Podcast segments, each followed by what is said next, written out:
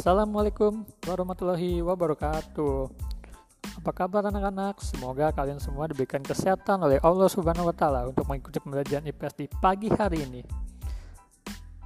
Hari ini kita akan membahas tentang perdagangan antar daerah dan perdagangan antar negara. Seperti apakah itu? Ayo kita simak baik-baik di dalam podcast untuk hari ini.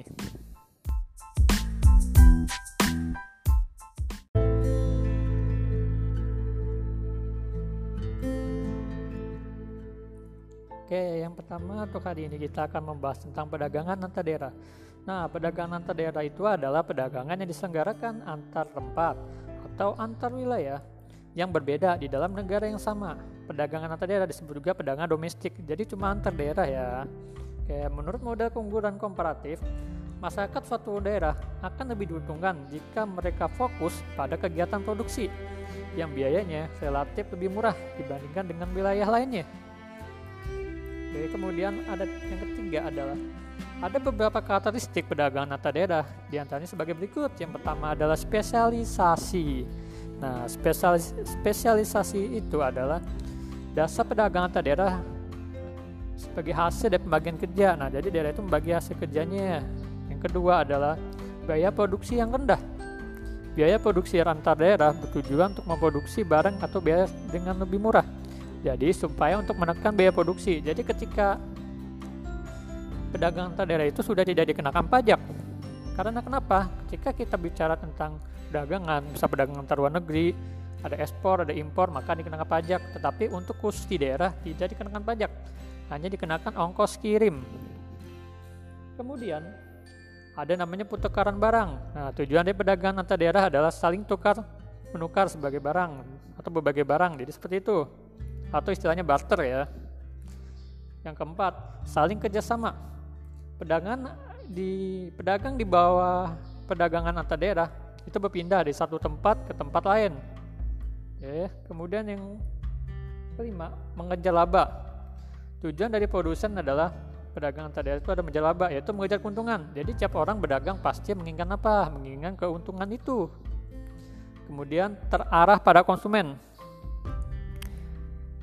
Jadi pada perdagangan antar daerah, produsen memproduksi barang-barang yang disukai konsumen. Jangan sampai barang yang diproduksi itu tidak disukai konsumen. Jika tidak disukai konsumen, maka akan menimbulkan apa? Menimbulkan bangkrut. Ya, jadi nggak laku ya barangnya ya. Oke, kemudian kepuasan maksimum yaitu perdagangan antar daerah bertujuan untuk mencapai kepuasan maksimum melalui pertukaran barang dan jasa. Kemudian adalah transaksi sukarela. Transaksi dalam perdagangan antar daerah bergantung pada kebijaksanaan rakyatnya.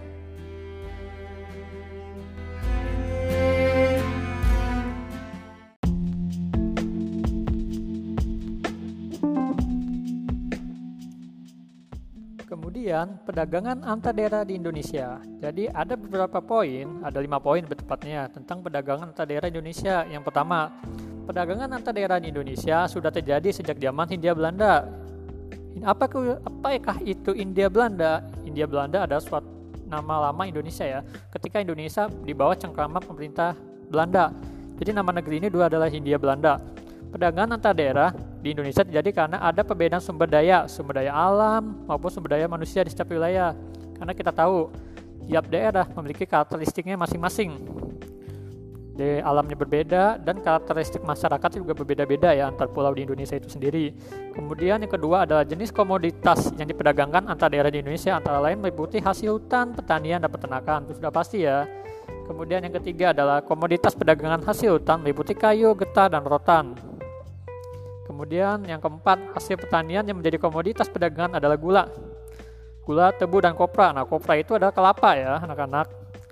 Kemudian yang kelima, komoditas hasil sektor peternakan seperti sapi, perah, dan unggas terdapat di Pulau Jawa. Nah, tadi sudah Bapak jelaskan ya, setiap daerah memiliki karakteristiknya masing-masing. Oke, kok tanaman padi baikkan di Pulau Jawa, kemudian tanaman sawit baikkan di Sumatera dan Kalimantan, begitupun di daerah lainnya. Jadi, tiap daerah memiliki karakteristik dan ciri khasnya masing-masing dari manusianya ataupun dari alamnya.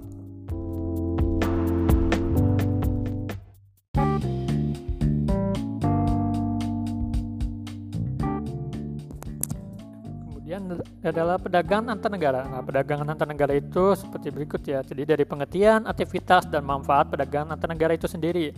Yang pertama ada pertukaran barang dan jasa antara penduduk negara yang berbeda disebut sebagai perdagangan antar negara. Jadi begitu ya, atau internasional. Jadi misalnya dalam memproduksi sebuah mobil, kebetulan perusahaan otomotif di negara Jerman itu membutuhkan apa? Membutuhkan karet Nah, karet itu butuhnya dari mana?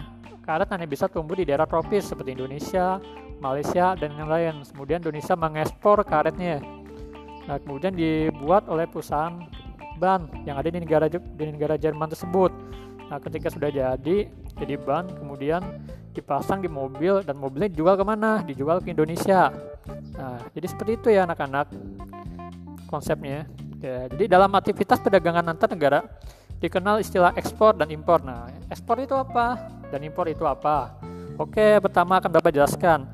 Ekspor adalah kegiatan menjual barang dan jasa dari dalam negeri ke luar negeri. Oke, jadi kalau ngejual barang itu namanya apa ke luar negeri? Ekspor. Ingat-ingat, jangan sampai kebalik. Oke, pelaku ekonomi yang mengekspor barang dan jasa disebut dengan eksportir. Jadi orangnya adalah eksportir ya yang menjual. Oke. Untuk mendukung kegiatan ekspor, pemerintah dapat melakukan sejumlah hal antara lain sebagai berikut. Yang pertama adalah memberi kemudahan kepada produsen berkaitan dengan kegiatan ekspor. Jadi kalau misalnya kegiatan ekspor itu dipersulit otomatis kita tidak bisa menjual barang-barang kita ke luar negeri. Bisa dibebasin pajak, bebasin apa lagi dan lain-lain seperti itu. Yang kedua, yaitu menjaga kestabilan nilai tukar mata uang dalam negeri untuk menjaga nih biar nggak ada kesenjangan antara mata uang kita ya. Yang ketiga, melakukan promosi produk dalam negeri di luar negeri. Jadi kita promosi nih, misal produk apa? Produk apa yang mau dijual di Indonesia? Di susah di luar negeri ya dari Indonesia, misal. Daerah A menjual produk apa? Seblak. Nah, seblak itu kemudian dipromosikan ke wilayah mana? Wilayah Malaysia, wilayah Thailand, dan lain-lain. Tujuannya apa? Supaya negara itu mengenal, oh nyata sebelah itu ada makanan khas di Indonesia. Oke, jadi seperti itu ya. Kemudian setelah ada ekspor, pasti ada impor. Nah, impor itu apa? Impor adalah kegiatan membeli barang dan jasa dari luar negeri. Oke, berbeda dengan ekspor ya. Kalau ekspor tadi adalah menjual, maka impor itu adalah membeli. Nah, pelaku ekonomi yang mengimpor barang disebut dengan importer. Oke, kalau tadi orang yang melakukan kegiatan ekspor disebut dengan eksportir, maka yang melakukan kegiatan impor adalah importir. Oke, bisa dibedakan kan anak-anak? Yang poin ketiga adalah terdapat banyak manfaat yang dapat diambil dari perdagangan antar daerah antara lain mendapatkan devisa. Nah, devisa itu apa? Jadi devisa itu ada pemasukan dari pemasukan untuk negara ya dari kegiatan jual beli itu, kegiatan ekspor impor. Oke, jadi kalau kita melakukan ekspor, otomatis kita mendapatkan untung. Sama halnya dengan kamu, ketika kamu berdagang, orang membeli barang kamu, otomatis kamu akan mendapatkan untung yang besar. Begitupun dengan ekspor. Oke, kemudian adalah memperluas kesempatan kerja. Karena dalam kegiatan ekspor impor dibutuhkan tenaga kerja yang banyak, tidak sedikit. Maka dari itu kegiatan ekspor impor itu membutuhkan lapangan pekerjaan sangat luas. Untuk kegiatan jual beli itu ya, kegiatan ekonomi tersebut supaya berjalan. Yang ketiga, menstabilkan harga. Bayangkan ketika tidak ada pasokan atau apa ya contoh sebagai contoh ada waktu itu ada, ada berita ya tentang mahalnya harga kedelai ya. Kenapa bisa mahal? Karena pertama kedelai itu kita masih ngimpor ya masih beli dan kebetulan pasokannya berkurang masih beli di Amerika. Nah, ketika harga kedelai mahal, otomatis akan menimbulkan apa? Gejolak di masyarakat, seperti tempe di kecil, kemudian harga kedelai dan yang lain mahal seperti itu ya otomatis kita akan memikirkan bagaimana caranya kita menstabilkan harga kedelai itu yaitu dengan cara apa? Dengan cara impor dari negara yang lain selain dari Amerika. Supaya apa? Supaya harga kedelai bisa turun. Dan tidak ada namanya perusahaan yang gulung tikar ya utama perusahaan-perusahaan kecil atau UMKM itu. Kemudian meningkatkan kualitas konsumsi. Nah dia juga nih meningkatkan kualitas konsumsi di Indonesia. Nah biasanya kita suka mengimpor dari barang-barang luar negeri ya. Seperti apa? Seperti misalnya kita mengimpor ikan dari luar negeri, kebetulan ikan itu tidak ada di Indonesia, seperti salmon dan yang lain. Itu juga meningkatkan kualitas konsumsi kita, karena salmon tuh bergizi ya buat manusia. Dan yang terakhir adalah mempercepat alih teknologi. Nah, kita juga belajar tentang teknologi. seperti apa sih teknologinya dan yang lain ya supaya masuk ke Indonesia supaya apa supaya Indonesia tidak ketinggalan zaman dan tidak gaptek jadi seperti itu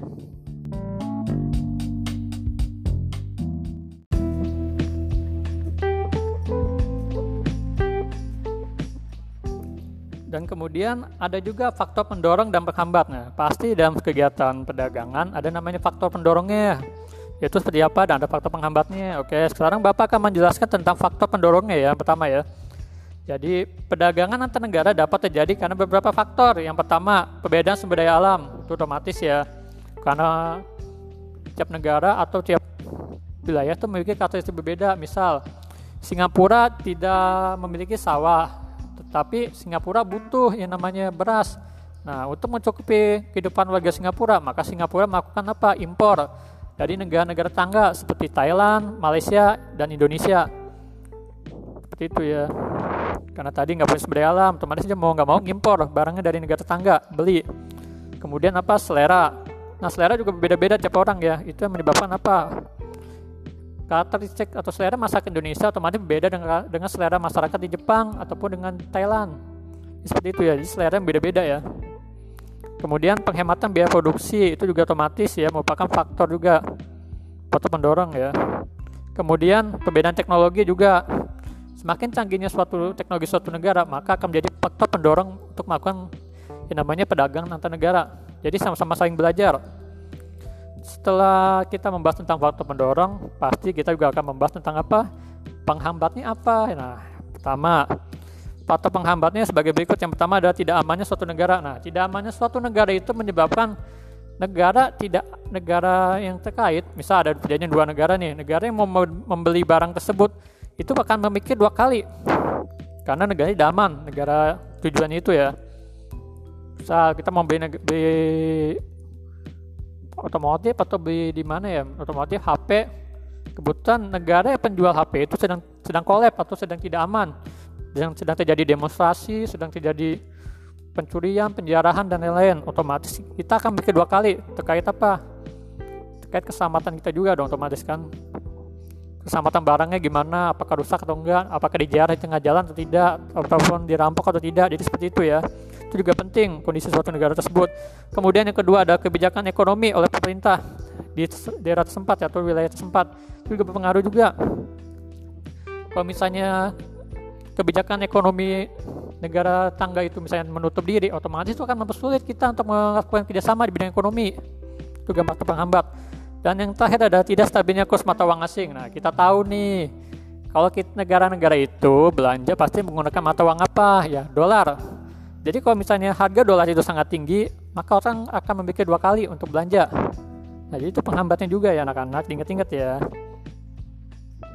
Dan perlu kita tahuin, dolar itu mata uang di negara mana? Amerika. Jadi setiap negara belanja menggunakan dolar Amerika.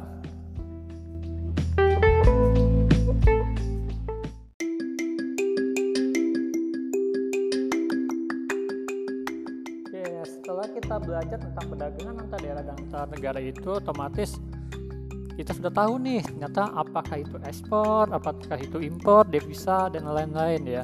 Semoga dengan kita belajar tentang sosial ini, ilmu pengetahuan sosial itu membuka cakrawala kita terkait pengetahuan dunia tersebut. Ya, pengetahuan dunia ingat-ingat ya, pengetahuan dunia. Karena ada pepatah Jepang mengatakan bahwa